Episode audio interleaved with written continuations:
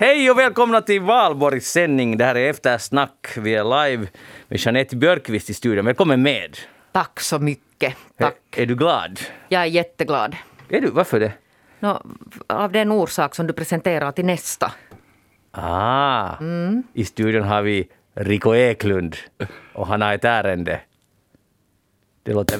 Oj, och där kom det! Glad valborg! Det var de längsta tysta stunderna någonsin på Yle Vega. Men Men nu måste jag alltså bara få säga för att Rico Eklund är alltså sån att han anländer till vår julsändning med juldekorationerna i påsen. Och det där alltid något sån här tema. Nu har han alltså anlänt till Valborg med en flaska skumpa.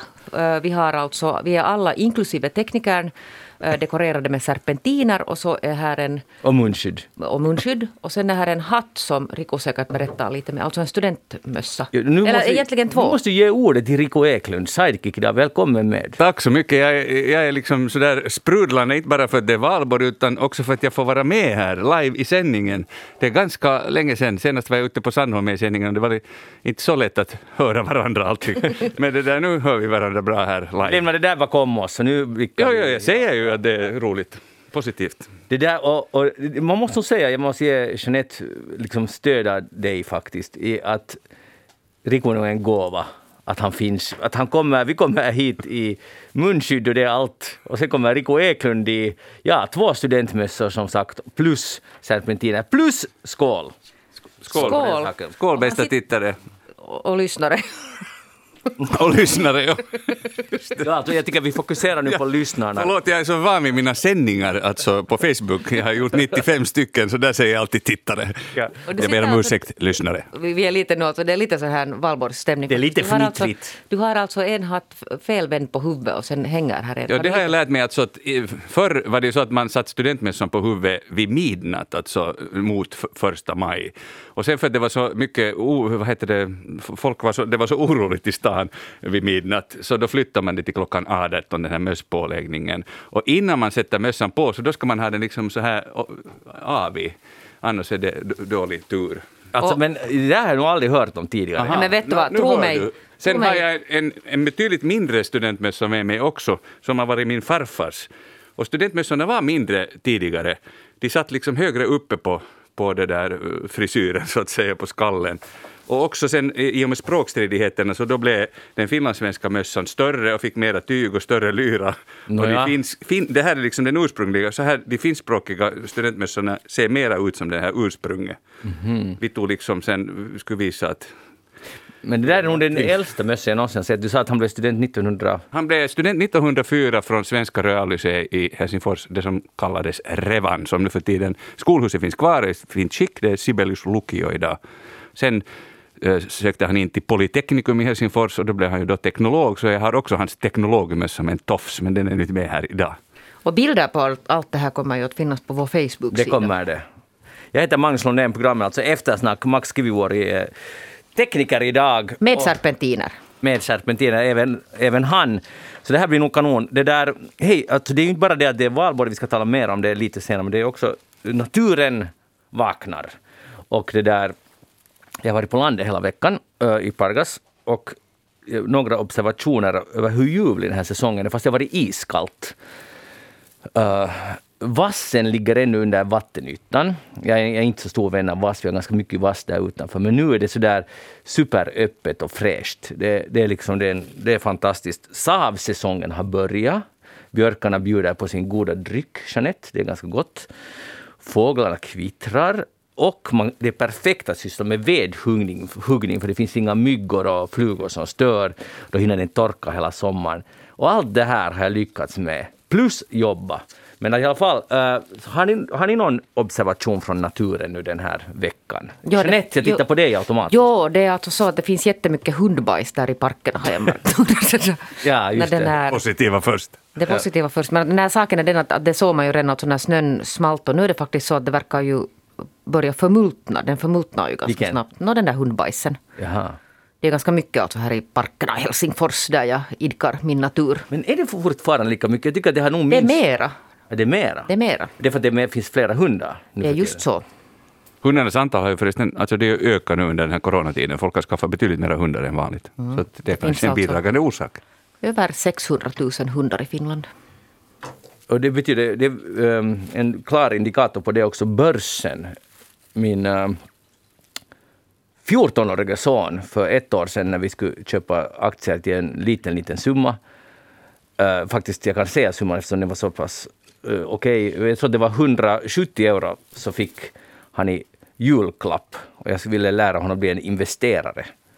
Och då sa han, efter att ha funderat, han gick till sitt rum och funderade en stund, så kom han tillbaka så att han, man måste köpa någonting som har med husdjur att göra. Mycket klokt. Och det här var alltså ett år, 14 månader sedan. Nu har aktiekursen gått upp nästan fyrdubbelt, tre och en halv dubbelt sedan dess. Och jag vill påpeka att ingen annan i familjen har kommit ens nära det här resultatet. Så det, det som krävs är sunt förnuft och check på läge. Så här som aktieråd. Klokt tänkt. Riku, har du aktier? Ja, lite aktier, ja. ja. Mm. Men jag har inte nu varit så där klok som din son. Ja, det var hundmat, eller vad de nu tillverkar det här. Ja, det måste, ja. Men nu är det kanske för sent, nu har det redan stigit så mycket att det inte lönar sig just nu att investera. Vet du, jag borde nästan ringa till honom och fråga. Ring och fråga Han din, kan nog säga din specialrådgivare. Ja. Men att det där, hej, eh, vi går tillbaka till våren. Rico, Jeanette hade det här bajsen på hjärtat. Vad har du? Jag kan bara instämma i allt det här som du räknar upp. Alltså jag, har varit, jag var nu två veckor på Sandholm i ett streck igen här. Just eh, kom för är det tre, fyra, Och det är alltså i Nagu? I Nagu, i Nagu ytterskärgård. Och Uh, har varit nu i stan några dagar. Och, alltså det där fågelkvittret är helt otroligt. Det är lika fantastiskt varje år med eh, starar eh, och liksom sjöfåglar och alltihop som bara kittrar och tjattrar. Och, och speciellt tidigt på morgonen eller sent på kvällen är det så ovanligt starkt det där ljudet. Och, och sen med det här blomsterhavet med skillor och eh, snödropparna har blommat ut och krokusar och, och påskliljor som börjar blomma. Och, det, det, är en härlig årstid och jag har lite så, jag älskar nu inte det där med att såga ved och hugga ved, men, men det är ju absolut bästa tiden att göra det nu så det sen får torka, precis som du sa. Mm. Så det har jag också lite sysslat med. Och, vet jag, och sen ska jag en sak till som, som jag tänkte sen berätta om sen, senare i sändningen. Det får du göra. Men jag, jag vill bara skryta med att eh, jag har också sysslat med lite trädgårdsarbete. Och det först är ju meningsfullt jobb. Eh, sätta potatis. Lite tidigt har Lite jag tidigt. Jag tyckte att mm, jorden var så kall så att jag vågade mm. inte ännu så någonting. Det kan vara det var rätt. Ja. Men, men alltså allt det där, det, alltså, det är nog gör livet ganska konkret. Och, och, på något sätt... Meningsfullt. Meningsfullt på ett mm. annat sätt än att, än att göra till exempel eftersnack. Det, vilket också är jättemeningsfullt. Det är det. Men, det där blev ju fel nu, nu ska du inte börja förklara det. Men jag har ju alltså faktiskt också tagit en snabbtur till, till landet där i Barsund och huggit lite ved.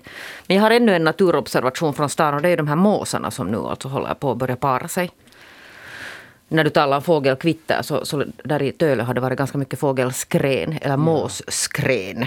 Och det är vårljud det också. Ja, men det är vårljud på ett jättedåligt sätt. Vi har diskuterat måsar tidigare, vi är på jag, olika linjer. Jag tycker ja, om ja, måsarna. Mm, vi ska ja, inte gå in på nej, det här. Jag, säger, nej, jag vill säga, alltså jag understryker att jag tycker om måsar i skärgården. Just det.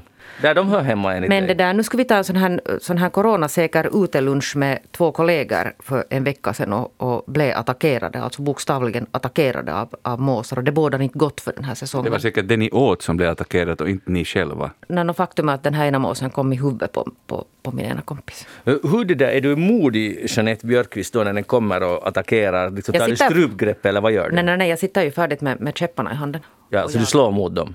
Jo, jo, jo, alltså jag jagar ju dem. Just det. Jag skulle vilja påminna att Helsingfors ligger i skärgården, så vi är i skärgården. ja, men vet du vad, att det där, det där, det där kan inte hjälpas nu att Helsingfors är placerat Rico, det gäller inte Töle. Men vi kommer... Alltså, men vi kommer terrasser. Nej, vi, nej, alltså det här är parken. Alltså vi kommer aldrig att, att vara eniga om den här, för jag anser att man måste kunna ha picknick i en park i Helsingfors utan att det där vara livrädd för. Det är människans rätt. Men jag tycker att det är det där... Vi är nog olika, för jag tycker... Men alltså, alltså man, man kan leva... På, ju, jo, men alltså nu pratar jag. Och, det där, och nu är det så att i Stockholm kan man leva ett liksom uteliv sånt här och, ha det trevligt i parken och Helsingfors kan man inte. Och då kan man ju fråga sig att mm. varför. Men jag tycker att vi måste gå vidare för att, för att det kommer här kommer alltså att urarta. Ja, det kommer och det håller på. Det, jag skulle säga att du ska vara tyst och dricka istället. Stämning, stämningssänkande mm. alltså. Ja, no, men, Debatt. Vi, tack. Vi, vi går, hej, goda nyheter på jag, idag gick jag in på hesari.fi för jag ville vi brukar alltid inför fredagen alltid kolla att vad är coronasiffrorna. Så att jag har liksom På hesari.fi, vad är det för sida? Det är ingen sida alls. Helsingin Sanomat, hs.fi. Ja, tack. Uh, de har så, brukar ha så här, och Yle har ju också det där um, snabb, snabb överblick över coronaläget. Och första gången vill jag påstå, det här, jag kan bli utmanad på det här, men kanske inte förra sommaren förresten, jag backar lite, men minus förra sommaren, första gången sedan typ februari i fjol, så fick jag scrolla och scrolla och scrolla Till, till slut kom det och det var gårdagens coronanyheter. Fattar ni? Det fanns inte på första sidan. Och det, då kände jag juhu! De går eftersnacksväg när vi har haft två coronafria sändningar, tror jag åtminstone. I alla fall. Och det, det kändes symboliskt ganska viktigt, som en seger. Uh, och sen har jag också papperstidningen och så tittar jag, och ni vet de har uppslaget där. Alltså, först kommer annons och så vänder man sidan och så är det två sidor med nyheter. Och, och det fanns bara en liten grej, tror jag, något om vaccinationen, någonting om hur det blir nästa höst och sånt. Men annars var det helt blanko. Det var liksom andra nyheter. Har ni märkt det här i vad ni läser och bland folk ni träffar, att känns det just nu som att det inte är liksom den viktigaste frågan, eller har jag fel? Jag tycker du har rätt. Alltså, eh, eller det är på ett sätt nog en fråga, men den är liksom positiv, det vill säga att det finns hopp och, och det börjar äntligen se ut som att, att det är ett slut på det här, åtminstone i, i i någon form. Alltså. Mm. Säkert kommer att få leva med corona på något sätt också i fortsättningen, men, men ja, det ser positivt ut och, och de här siffrorna har sjunkit hela tiden stadigt nu i, vad det nu blir, över en månad. Uh, så att, ja, och jag tycker det blir allmänt en sån där uh, gladare stämning. Alltså, det I det här, jag talar nu om Finland. Alltså det finns det gäller inte Indien den här diskussionen. Nej, stora problem. Också i Sverige är det ju ännu, ser det ju mm. inte så bra ut. Jag har ju det där gjort misstag att jag har gått och läst det där och det ska jag sluta med, jag lovar. Men det där, när det kommer ut sådana goda nyheter, alltså att man håller på att demontera lite nu och öppnar alla möjliga gym till exempel och, så, och, och, och andra ställen. Och jag har gjort misstag alltså att då gå in i de här kommentarspalterna till de här nyheterna. Det ska man inte göra för att där är ingen god stämning. Aha, vad händer där? Alltså? Men där är alltså det här att, man, att det är de här domedagsprofetiorna. Att nu kommer det liksom att barka åt, åt skogen igen. Ah, och det är liksom som att, jag vet inte, som att folk glömmer bort att, att samtidigt som man alltså börjar öppna upp så framskrider ju vaccineringarna. För att, för att många verkar nu leva i tron att om man lite öppnar upp så kommer liksom allting att stängas. Och sen blir hela hösten liksom ett enda långt alltså helvete igen med det här. Mm. No, om det blir så blir det. Men, uh, det kan ju inte, alltså, det är ju en helt annan situation nu. Jag vet, jag vet att det är det, men vad jag menar att, eller jag ville komma till det att mm, jag tror att det skulle vara superviktigt att folk skulle släppa sina rädslor och, och domedagstankarna. För att nu har vi gått igenom det här och det kan vara att vi inte är igenom ännu, men vi, har, vi kommer att komma igenom det oberoende. Uh, det blir inte bättre av att skriva där, av, av, av den här rädslan. Jag förstår att, att, man kan inte kanske behärska den och så vidare, men det, det är så negativt för en själv framförallt, men också för alla människor omkring en. Om man sprider ut den där oron, paniken, rädslan. Och, och det blir inte bättre av, av att vara superorolig. Jag tror att de flesta, vi har inte Finland bevisat att åtminstone hittills har det gått väldigt bra. Vi har kunnat bete oss ansvarsfullt och sådär. Och den här negativiteten är det som är det, så att säga, det mest negativa i hela den här processen nästan. Nu måste jag nog säga att jag, håller, jag håller med dig till fullo. Alltså det är just så där.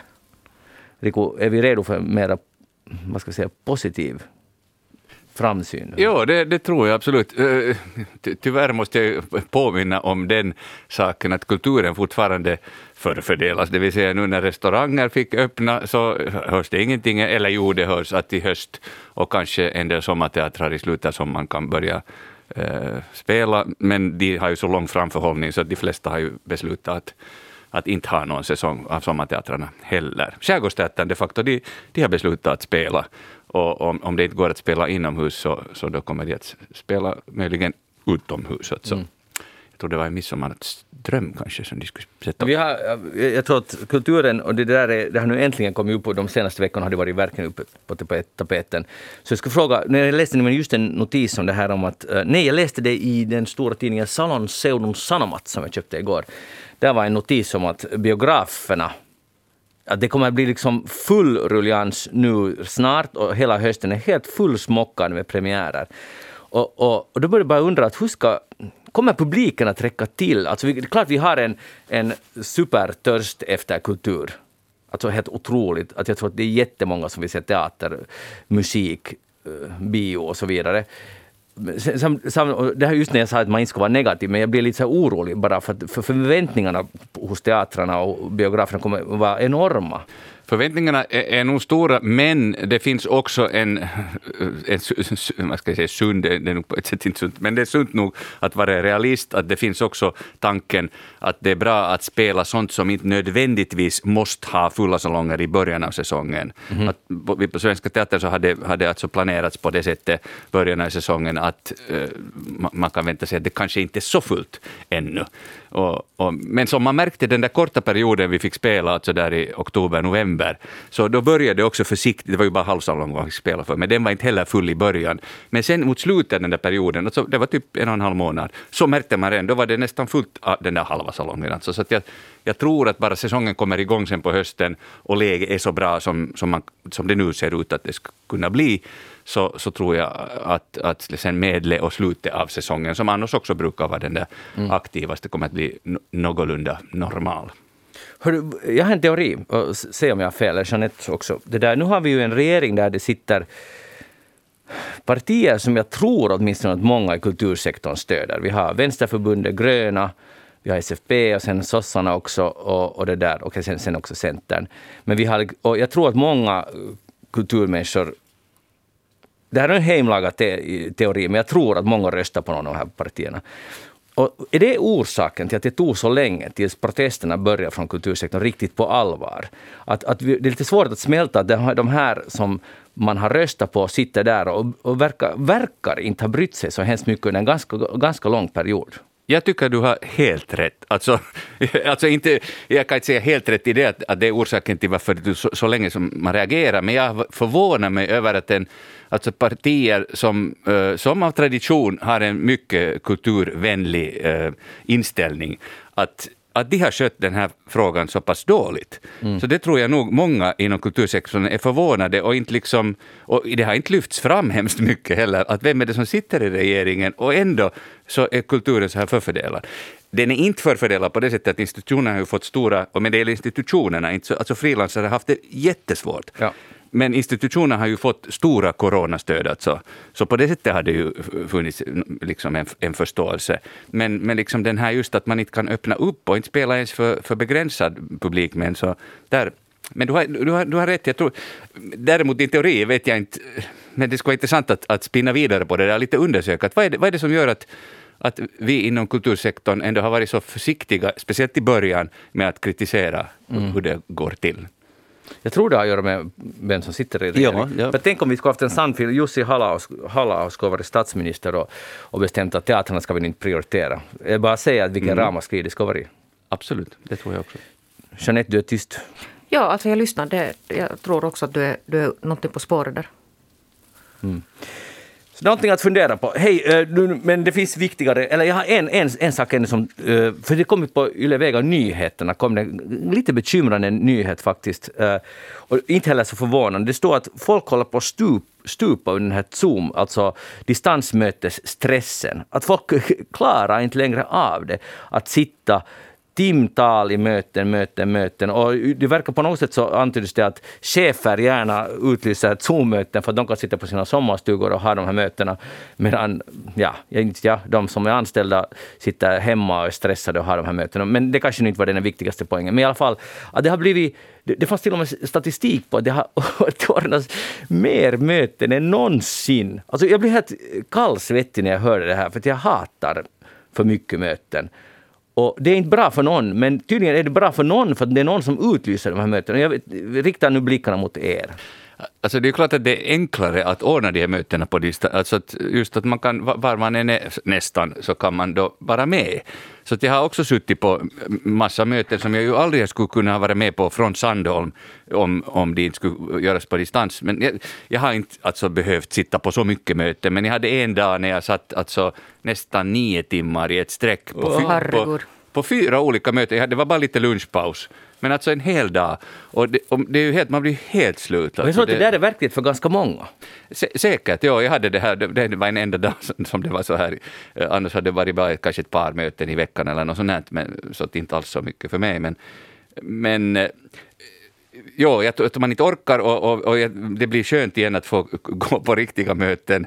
Men jag tror de är nog kvar för att stanna på ett helt annat sätt än före pandemin, de här distansmötena. För, för det är också, man sparar, eh, speciellt om det är personer som ska komma från olika delar av världen, men redan olika delar av Finland, så måste man nödvändigtvis inte uh, åka och, så sparar man no, både miljön och, och, och, så sparar man uh, de här resekostnaderna och, och, den tid det tar att resa. Men det där är allt helt klart och jag tycker det är det positiva, det som man måste ha med.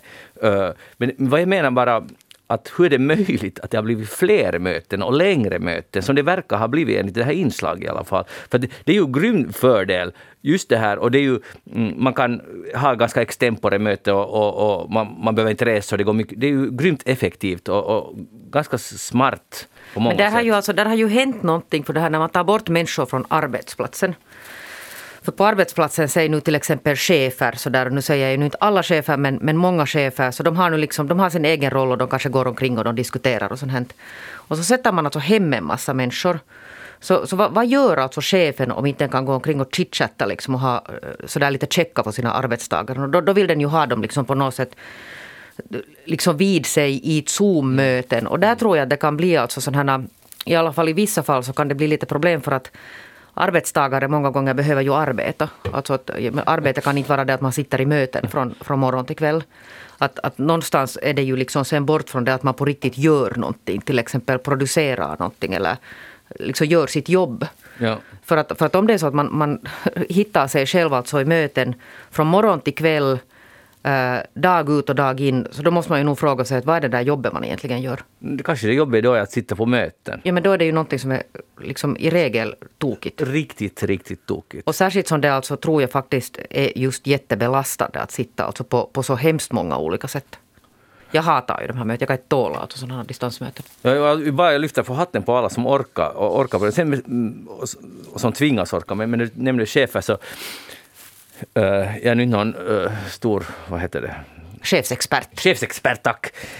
Men, men det tyder ju, om det där stämmer som du säger, så att, att om en chef har behov av att kolla vad arbetstagarna sysslar med. Inte vet jag, jag tror inte så att det handlar om att kolla utan att vet du, på något sätt vara så där närvarande. Ja, okej. Okay. Förstår du? Ha koll. Alltså koll men inte liksom i kontrollbetydelse ja. utan bara checka vad, vad som händer. Okej, okay, no, ja, då. Och diskutera lite. Vet du, man, man ja. för den här, det här som i vanliga fall alltså sköts så där ganska naturligt vid kaffeapparaten. Esimer, mm. äh, Till exempel. Titta, nu börjar, alltså nu börjar det bli helt tokigt. Vi börjar, börjar tala finska här. Skål på den saken! Det... och jag har inte ens tagit, alltså till exempel, ursäkta mig. Har du inte druckit något alls? No, bara en liten slurk, det var inte ens det. Nu är du lite snål. Nej, jag har, pratat, ja, men jag har pratat så mycket finska nu, så här går det sen. sen okay. man börjar tala hey, men då, då glider vi över, just på tal om, det, uh, på tal om skål, så uh, valborg eller vappen och, och, och, så vidare. Och glada vappen är ju klassiskt. Hyvää vappua! Ja, hyvää vappua. Det här är klassiskt diskussionstema, men uh, Charlotte av Hellström Reijonen så så jobbar där på... Institutet för Potus. de inhemska ja. språken. Potus, hon, ja. Ja. Ja, där. I alla fall, så hon har 2019, hon twittrar om det idag, skrivit en, ett inlägg om varifrån en teori om varifrån det här glada, glada vappen, varifrån det här uttrycket egentligen kommer. Och det där och här är en, en, det där, uh, en läsare till, hade skrivit till henne så här, att det kommer från antagligen från 40-talet. Mm. Det, så här skriver den här personen som hade själv upplevt det. Det föddes faktiskt genom en illa översatt annons. En flitig forskare kunde få tag på datum i den mån någon anser att det är mödan värt. Det hände sig att en krögare eller kaféägare söder om linjen Kronohagen-Töle, det är alltså i Helsingfors, ville befrämja sin affärsverksamhet genom att skylta i fönstret om näringsställets frestelser inför första maj. Och synnerligen medveten om att en avsevärd del av de då i trakten bosatta var svenskspråkiga gjorde de det på vartera språket. Den välmenande krögaren översatte slutfrasen ”hauska vappua” efter sitt huvud, kanske utan att reflektera över att dagen benämns efter ett förnamn som kunde vara annorlunda i en svensk almanacka. Episoden kunde, skulle ha sjunkit ner i historiens glömska och på sin höjd givit upphov till någon enstaka fnitter av en passerande flanör om inte Husis hade fått nys om skylten och, sin vana trogen på den tiden, skyndat sig att göra nummer av den tafatta språkliga övningen i det andra språklägret. I en liten men iögonenfallande notis i dagboken gjorde man sig lustig över den tokiga formuleringen, som i och med det uppnådde en av den okände författaren inte avsedd officiell status. Och så vidare. Att det var alltså... Uh, ni, ja, ni förstår storyn. Och nu, det som jag skulle vilja, eftersom vi har många jättekunniga eftersnacklyssnare, kan någon dementera eller bekräfta den här versionen av glada vappen. Så det skulle vara så kanon. Och, och, och, om, jag säger att om jag någon gång får en dag ledig så tänker jag bläddra igenom alla 40-talets husis dagbokssidor för att hitta den här notisen. Så skulle man ha löst den här den här frågan. Nu för tiden är det inte så svårt att söka de facto när man går in på Nationalbibliotekets digisök. Jo, men jag tror inte att det finns 40-50-tal. Jo. Finns det så långt? Jo, jo, jo. alldeles nyligen var det bara fram till 1930. Mm, nej, det är nog längre fram. Jag tycker det är okay. till ungefär 50 eller något sånt. Alltså. Det, det har kommit långt. Bra. För Massa du, roliga saker där. Det är ju perfekt för då kan man söka på helt enkelt i HBL Glada vappen. Glada vappen. Vet du, någon gör det säkert just nu. ja. Gör det och meddela eftersnack. Men brukar ni säga glada vappen eller säger ni jag glad Valborg, Rico. Jag försöker säga glad Valborg, för jag tycker inte om det där glada vappen. Så det är som att man skulle säga goda julen. Goda julen på er, alltså, eller glada Samma. påsken. Alltså det är ju samma sak. Alltså, det är ju helt är det så far, tycker du på riktigt att det är störande? No, alltså, det är så etablerat så man kan ju inte på det sättet bli så hemskt allvarligt störd. Men, men nu stör det mitt så att säga, språköra, för det är ju liksom inte svenska. Och, ja. Vallu brukar man kalla det ännu i början av 80-talet, alltså Valborg, Vappen. Vallu. Mm. Så gjorde ni. Jeanette, Jeanette, hur ser du glada vappen? Alltså det där, nu har jag alltså följt med på, där på de här sociala medierna att man kan ju få liksom hela världens hat över sig för att det är en jätte, alltså, känslig fråga har jag förstått. Men det kan ju inte vara en känslig ja, alltså, fråga men Det på finns riktigt. alltså jättemånga som hetsar upp sig för skräcket. Men jag säger nog alltså som det är att nu brukar jag säga glada vappen. glada vappen. Och, att låt komma bara jeanette.björkqvist.gmail.com. Klara vappen också. Ja, men det roliga är att, att jag sa, har alltid förut sagt glada vappen. Jag, liksom, jag, jag vet, jo, jag vet det var språkligt fel, men nu, det är så här det här kontrollsamhället tar grepp, greppet på en. För nu har jag slutat säga det, för det är ju som Rico då upplyste oss, det är ju fel språkligt. Jo, men det vet nu man undviker det, så jag, kan, jag, kan, jag blir arg på mig att hur jag, hur jag kunde bli påverkad av något. Det är ju bara ett uttryck, det är bara liksom en sak man säger. Mm. Att varför ska det vara så viktigt? Ja, och man alltså, sluta säga det. Ja, men man säger det är ditt fel. Men sen, ditt fel. Ja. men sen kan man ju, så skriver man ju förstås korrekt. Men menar, nu måste man ju ha lite ibland så det här lösare ramar om hur man pratar, bara man vet vad det heter på riktigt. Så hur ser man i Pirlax? Uh, när man säger nog glada vappen. No, men du tycker, det avgjorde väl saken, Rico? Alla bisar och gummor där säger glada vappen. Jag har blivit tillsagd att inte säga så mycket. Så att. jag, är inte, jag är inte bitter. Jag är inte alls bitter, men någon, du ska någon sa att jag skulle vara tyst och dricka. Ja. Jeanette Björk, vad har du tänkt på den här veckan? No, alltså vet du, jag hade där, det där, jag vet inte, det här är lite pinsamt, men jag har ju följt med det finns ju alla möjliga sådana här reality-program. Finns det? Ja. ja. Och ett av dem är alltså en sån här som heter på finska Majusselle Morsian. Jag tror att den heter alltså Bonde söker fru i, jo. i Sverige. Som jag alltså aldrig i hela mitt liv har tittat på. Men däremot så har jag på något sätt liksom blivit tvingad att, att, att förkovra mig i det här. För att kvällstidningen har rapporterat jättemycket. De har gjort en sån här extra säsong alltså där det handlar om om utle, utlandsbodda bönder som söker finska fruar. De har alltså haft en sån säsong där, där fyra i utlandet bosatta bönder söker finska fruar. Alltså förlåt, men är det... Var, varifrån kommer de här? Maajussele Morsian maailmalla har det här programmet hett, som jag alltså aldrig har tittat på. Orsaken till att jag, att jag känner till det här är det att, att den här ena kvällstidningen äh, som slutar på Sanomat har rapporterat jätte, jätte mycket länge och ivrigt om de här. För att det var nu tydligen då så att det var inte helt lyckade de här valen av, av bönder till det här. Uh, där var en från Libanon, så var det en från Turkiet, en från Kanada och sen en fjärde någonstans ifrån. Och de har gjort alltså enorma mängder alltså av nyheter om hur illa de här männen har betett sig. Jaha. Den alltså blev de ett par? Hittade de? Nej, och nu är det så alltså, jag läste idag alltså varför jag det där nu på något sätt måste, måste avsluta det här. Är det, det har då alltså tydligen tagit slut det här nu och, och den här ena från Turkiet, Majussi Mustafa, så han, får, han ges nu alltså jättestort utrymme i, i, i kvällstidningen där han alltså får såga och svetsa allt, alltså finska kvinnor, hela det här konceptet, produktionsbolaget, liksom allting har bara varit dåligt. Och de här, alltså, två av de här har alltså ända sedan start skällt ut alltså finska kvinnor. Alltså de har på något sätt varit sådär att de inte bryr sig om. Och den här ena, han, han ska absolut ha alltså en yngre kvinna. Och på något sätt, jag har sugits in i det här.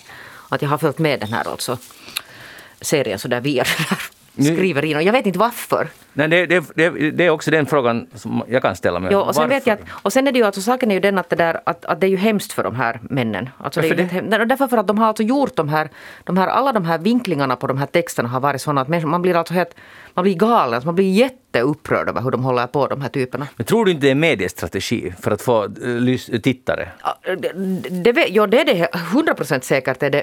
Men alltså det, det verkar nu ändå som att det där att man lite på något sätt har använt de här typerna. Att de verkar nu vara inte så jätte, kanske, hur ska man säga, konstruktiva. Det här borde man gå till botten med. Det där, Rico, om du skulle få välja en, i ett annat liv, jag vet du är nu är, du kanske inte förlovad men, men uh, Sambo Sambo. 23 år tillbaka. Sen, men nu, vi leker nu att det börjar allt på nytt. Nu har du en bonde från Libanon, Kanada, Turkiet, vad var fjärde landet? Jag kommer inte ihåg. Vi ser att de är alla likadana personer. Kazakstan. Lite missnöjda med finska kvinnor, men om det nu skulle vara en man Men de vill liksom ha en finsk kvinna men sen duger ändå inte den finska Ja, kvinnan. ja, det är ju så det är. Men, men Rico, vem, vem skulle du nappa på? Av de här länderna eller? Nej, av de här bönderna. Du vet, du vet alldeles tillräckligt redan. Du, du, du har hört, de är lite... No, jag tror att det kan bli kulturella problem. Så att det där, jag tror inte kanske skulle... Nej, jag vet inte. Jag, jag far och hälsar på honom dit till, till Turkiet och han kan komma hit ibland och sådär. Vi håller ett öppet förhållande. Men de har ju alltså de här ser du, värderingarna, Okej. alltså värderingarna som man har framställt. Det jag har ju faktiskt alltså då inte tittat på det här programmet men jag antar att den är ungefär ditåt då. Eller kanske det ser bättre ut i TV. Men de är ju extremt konservativa. En del av de här extremt konservativa. Att Ah, de röstar på Centern liksom. Ja, jag tror att det går liksom ännu snäppet liksom vidare. Alltså den här, förstår ni, den här synen på kvinnan och, och mannen och, och vad kvinnan ska vara och hur hon ska bete sig och, och får hon träffa liksom andra människor och så här liksom kontrollbehov och, och det där att hon måste liksom hålla sig fräsch och vacker för honom och hon får inte tala med andra män och det är liksom mycket sådana här, det, det är långa och komplicerade alltså historier det här. Det, det kanske egentligen är en man de behöver, för jag skulle kunna nästan anmäla mig frivilligt till den här libanesen. För att, för, för, det kan vara att det skulle bli lite struligt, men grejen är den att, att, att de har gör ju, i bästa fall är det en vin, vad heter det, så här, odlar, eh, Vin.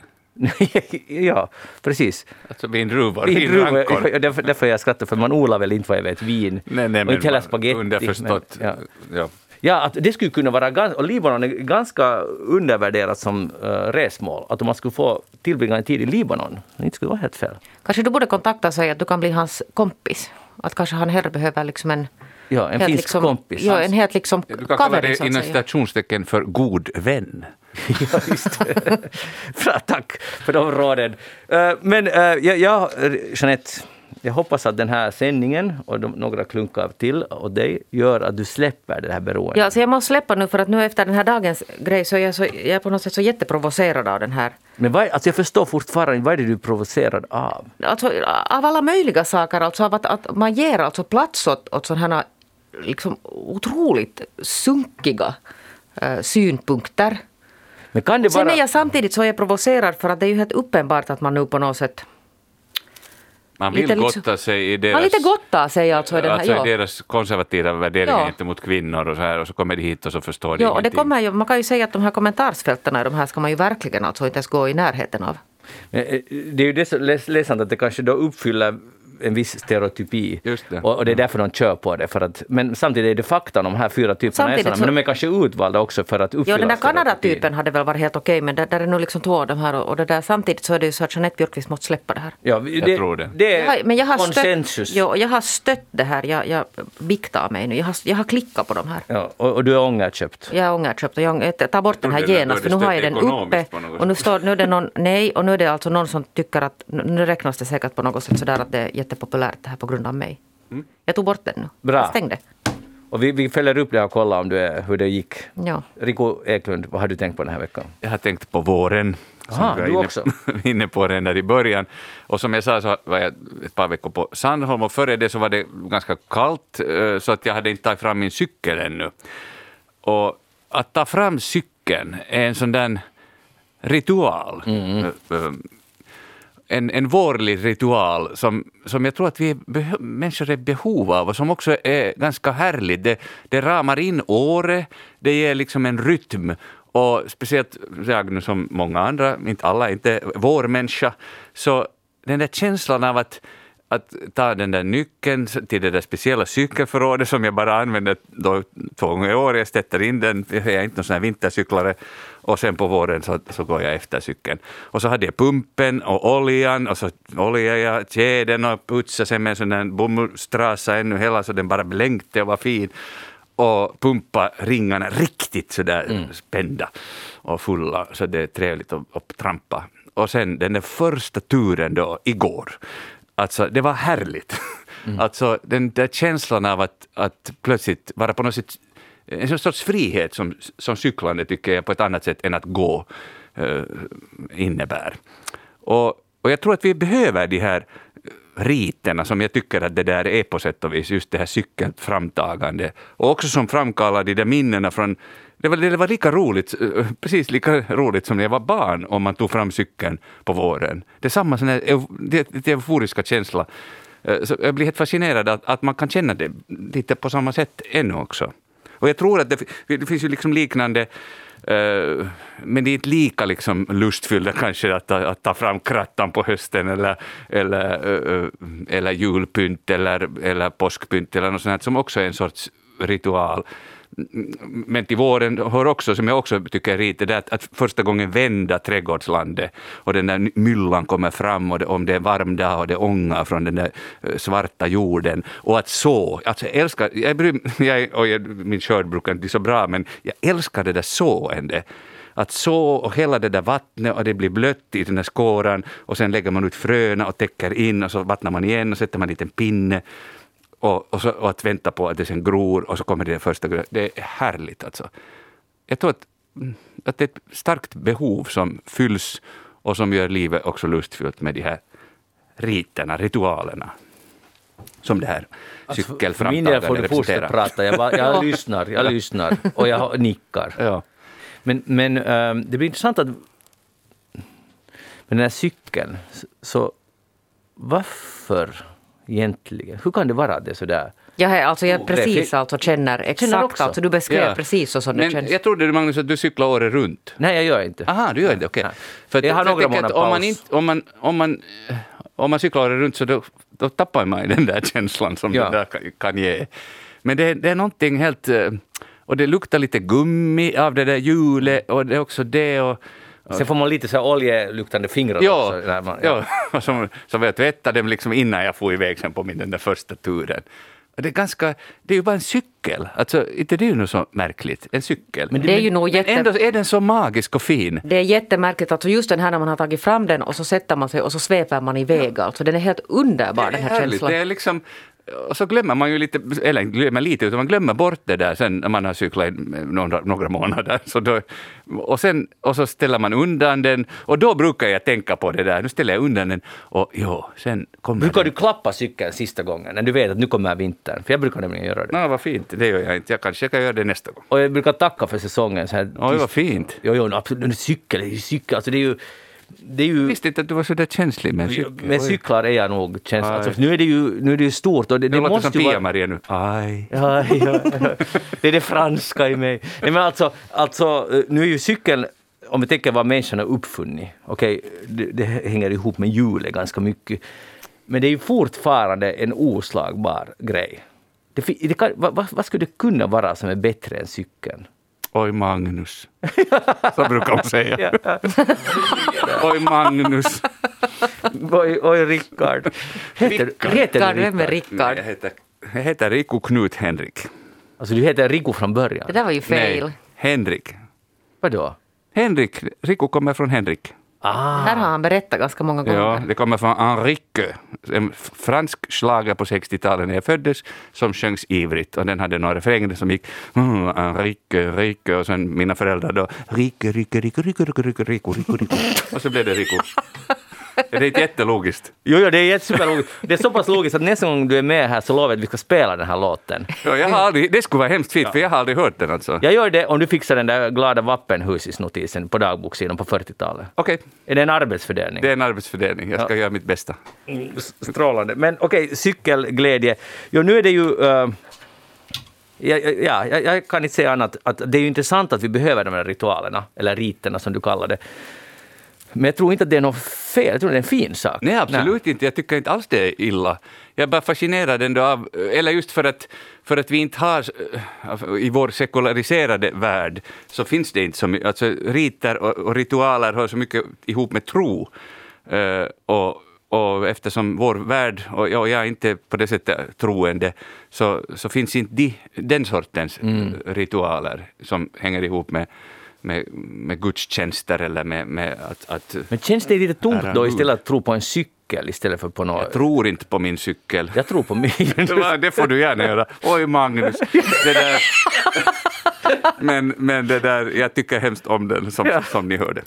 Oj, Enrik eller vad det var du hette. Enrique. Uh, uh, Jeanette, har du redan tagit fram din cykel hoppas jag? Ja, herregud för länge sedan alltså. Mm, utmärkt. Hej, jag sa ju att jag var i, i Salo igår. Jag kom hit med cykel bara om du undrar. Det gjorde jag också. Mm. Alla tre. Mm. Alla tre. Jag var, jag var ju då, jag åt en hamburgare igår på kvällskvisten i Salo. Då passade jag på och köpte Salon Seudun Sanomat. Och här är ett stort reportage om, om det där om eh, Prisma i Halikko som har öppet då ty, tydligen 24-7. Och det där och de, det är egentligen en, en enda hyllning till, till hur, hur, perfekt det är i en modern värld att allt är öppet dygnet runt. Och, och, det där. och så har de intervjuat kunder som kommer dit. Och här är, det är liksom ett spektrum av samhälle. Här, här, här är pensionärer som dricker morgonkaffe klockan tre eller fyra. De är jättelyckliga för nu kan de gå någonstans när, när det är dags att dricka sitt morgonkaffe. Sen är det muslimer som firar ramadan och som måste hitta någonting på natten som de kan äta. De är där och köper glass och något annat. Och det där, men sen säger den här, hon som jobbar här som heter Sina Kallio, hon säger så här att, att en, en, en bra sak med att ha butiker, varuhus, shoppingcenter öppna dygnet runt är att, att om man har sömnproblem så kan man, är det lätt att fara till Prisma och börja shoppa istället. Att, att, så kan man lösa det problemet på det sättet. Och det här tolk, tog jag det lite provokativt. Jag blev lite provocerad av det här. Och, det där. och jag tänkte nu att vi skulle diskutera det här lite. Hur känns det här som en lösning för sömnproblem? Jag vet Jeanette, du har någon gång sagt eller i alla fall brukar du vakna hemskt tidigt, eller hur? Ja, alltså jag, har, jag är sån att jag somnar sent och vaknar tidigt. Jag är, sån här, är du en sån? Både kvälls och morgonmänniska. ja. Det blir för lite sömn då. No, det blir ju för lite sömn, men det där, inte skulle jag nu komma mig för att fara till butiken på natten. Är du, har du aldrig gjort det? Nej, och inte kommer jag att göra det heller. Men det kan det vara det som är problemet? Att, att du inte Nej. får shoppa på natten? Nej, det, det, det är nog inte det. Men det där, jag försöker nu liksom ta med sådär att, att man talar ju alltid om sig själv men att, att, att kan det där nu vara en lösning för någon? Kan, kan, jag, jag inte riktigt nu genast kommer på när. Jag, jag ska säga, nu kan det vara lösning för någon. Någon jo, som är jag tycker uttråkad. Att, jo, och jag tycker att det är helt, alltså, den här var ju helt alltså, roligt, sådana pensionärer, alltså många äldre vaknar ju tidigt. Alltså jag märker själv att det flyttar tidigare och tidigare, alltså mitt det här och så kan man gå och göra sina uppköp då där på, när man nu vaknar. Mm. Att på sätt och vis, inte, inte vill jag liksom fördöma det att det, det, är öppet 24 timmar per dygn. Och fyller säkert någon funktion för någon. Och butikerna måste ju anse att det lönar sig. Inte ska man ju annars hålla öppet på det här sättet. Men det där kanske inte som en, som en lösning på sömnproblem skulle jag inte. Jag tror ju att det leder till nya problem om man faktiskt uh, skulle då märka att oj, det här var ju lyckat, att jag går hit istället. Och så börjar man fastna i det där att gå till, till det där shoppingcentret mitt i natten. Ja, man kommer inte att börja sova Och så börjar bättre. man köpa en massa saker istället, så är man fast i någon sån här köp alltså, jag och tror att det bara och, leder till nya problem. Ja, och sömnproblemen kvarstår ju. Jo. Så då har du sömn och shoppingproblem. Ja. Däremot tycker jag det, alltså varför inte, kan inte något ställe vara öppet dygnet runt? Att jag har no, kanske sällan varit efter midnatt, liksom. men, men, men fram till midnatt nog har jag varit och och shoppa, eller just framförallt livsmedel. Och också väldigt tidigt, när jag åker ut till Sandholm till, till ön så, så går förbindelsebåten så tidigt, så då, då har jag nog varit också vid sextiden så där och, och mm. på uppköp. Men inte kanske mellan 12 och 6, då har jag inte behövt det så ofta. Jag har ju varit natten till julafton just i någon typ Prisma, något, bara för jag ville se hur det var. Och jag var inte den enda, det var många andra som också var där för att se hur det var. Och kanske, det var alltså mycket folk, vi talar om två tiden, natten till julafton. Och jag blev förvånad nog över hur mycket folk det var och samtidigt var det så surrealistiskt att jag, jag tyckte egentligen det var ganska intressant och ganska roligt. Och, äh, att min inställning är att jag, jag, tycker att i ett fritt samhälle så jag tycker nog att det måste Alltså, det, det ska finnas och ska få finnas och det är helt okej. Okay. Uh, men det är också en ganska ytlig betraktelse av det, för jag tycker det hör till, en, till exempel till ett stadsliv.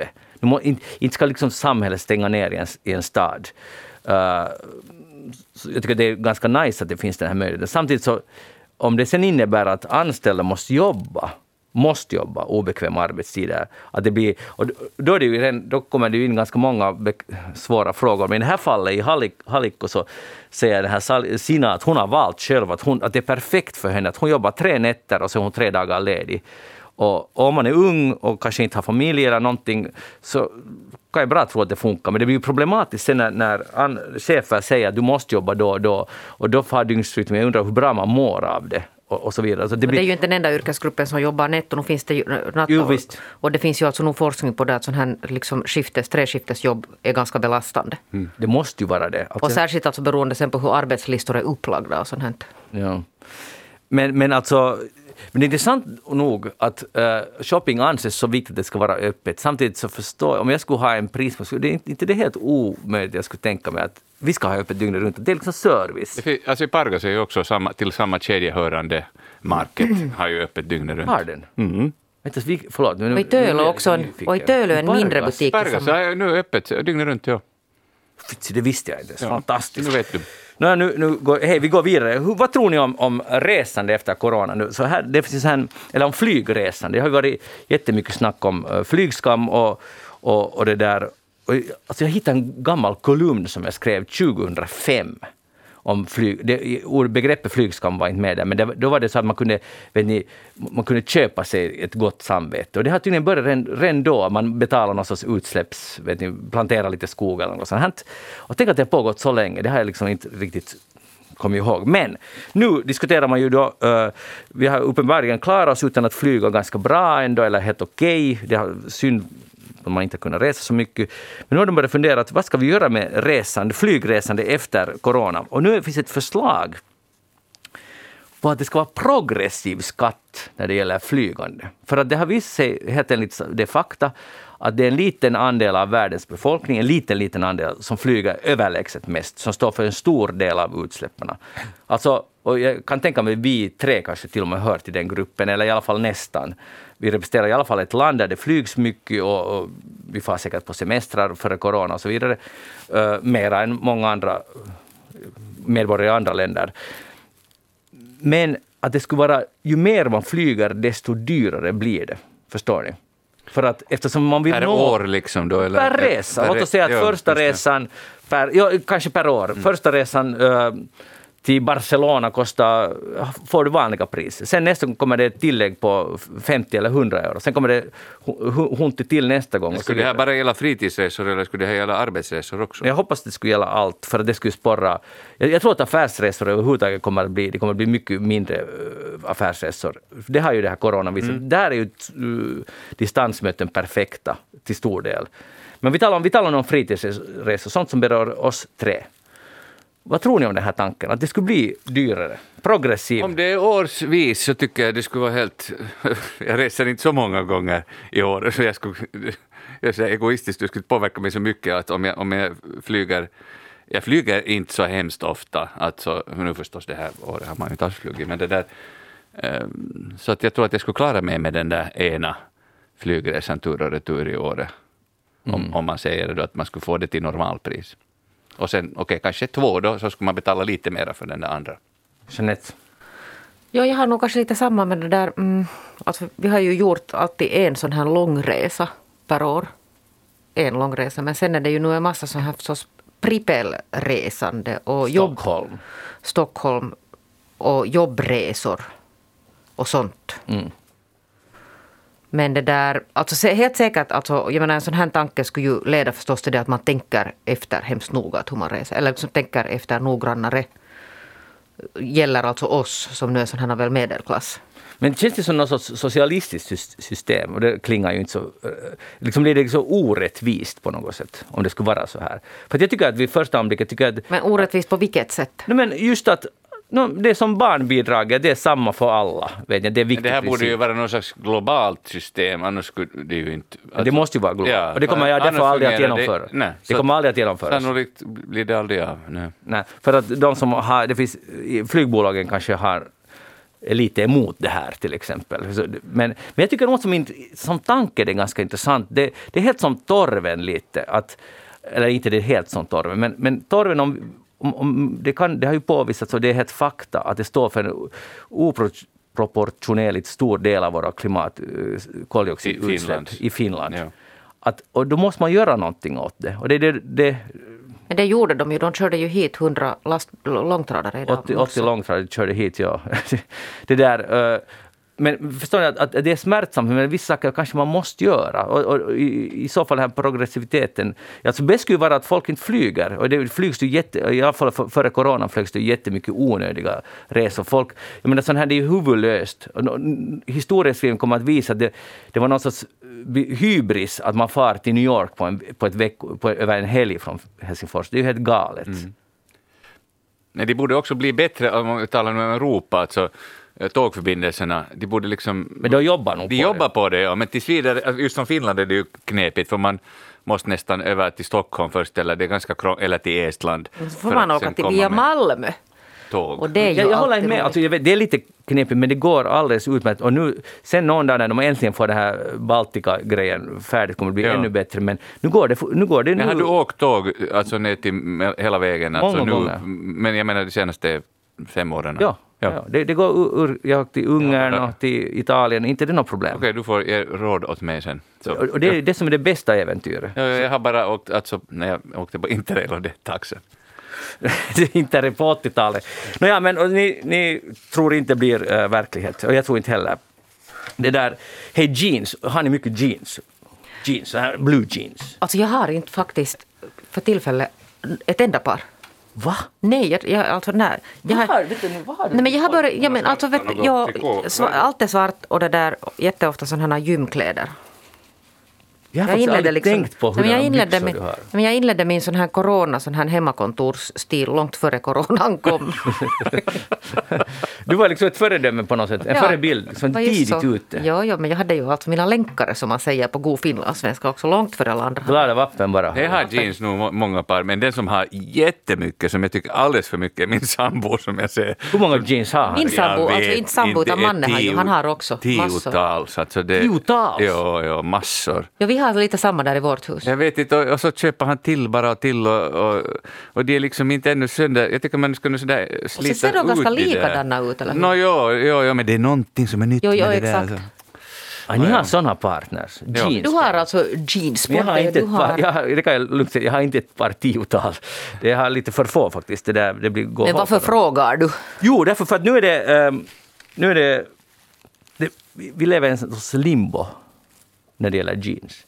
För att ingen vet vad är nästa trend i jeans.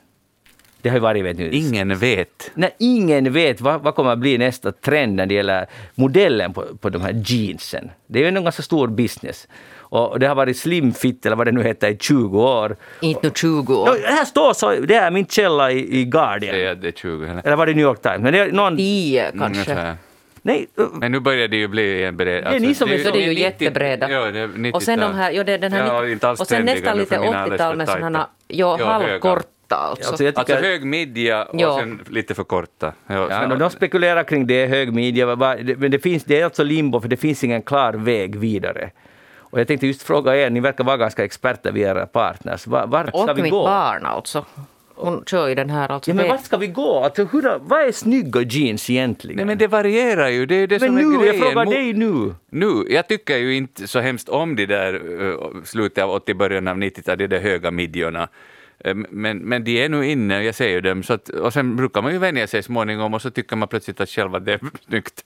Mm. Eh, Jag brukar komma jag har nog ifatt haft sådana själv också. jag brukar komma ifatt den här alltså sen när alla andra när det Ja, börjar hända liksom, så då har man liksom du. utsatts tillräckligt lite länge. efter i- liksom, men man och måste sen- liksom utsättas Ja, hemskt länge för Man de måste här. se den många gånger sådär. Sen började det med det här att jag kommer aldrig att ha. Men på killar har jag inte sett så mycket av de här höga midjorna ännu. Nej, jag vet inte, men jag kan säga att de kommer jag aldrig att... Jag säger att den här men- trauman jag har från 80-talets slut och 90-talets början. Så det, Hade du, hade du såna då? Nej men vet du, jag hade allt hemskt vad man kunde ha. Alltså allt, inklusive permanentat hår och, och blonderat. Jag vill inte... Alltså, jag, jag, Jag skulle det, så vilja se det foton är på fullständigt alltså ofattbart att det här, det här alltså tidseran har gjort comeback. Det är liksom, jag, jag önskar att den är förbi snart. Mm.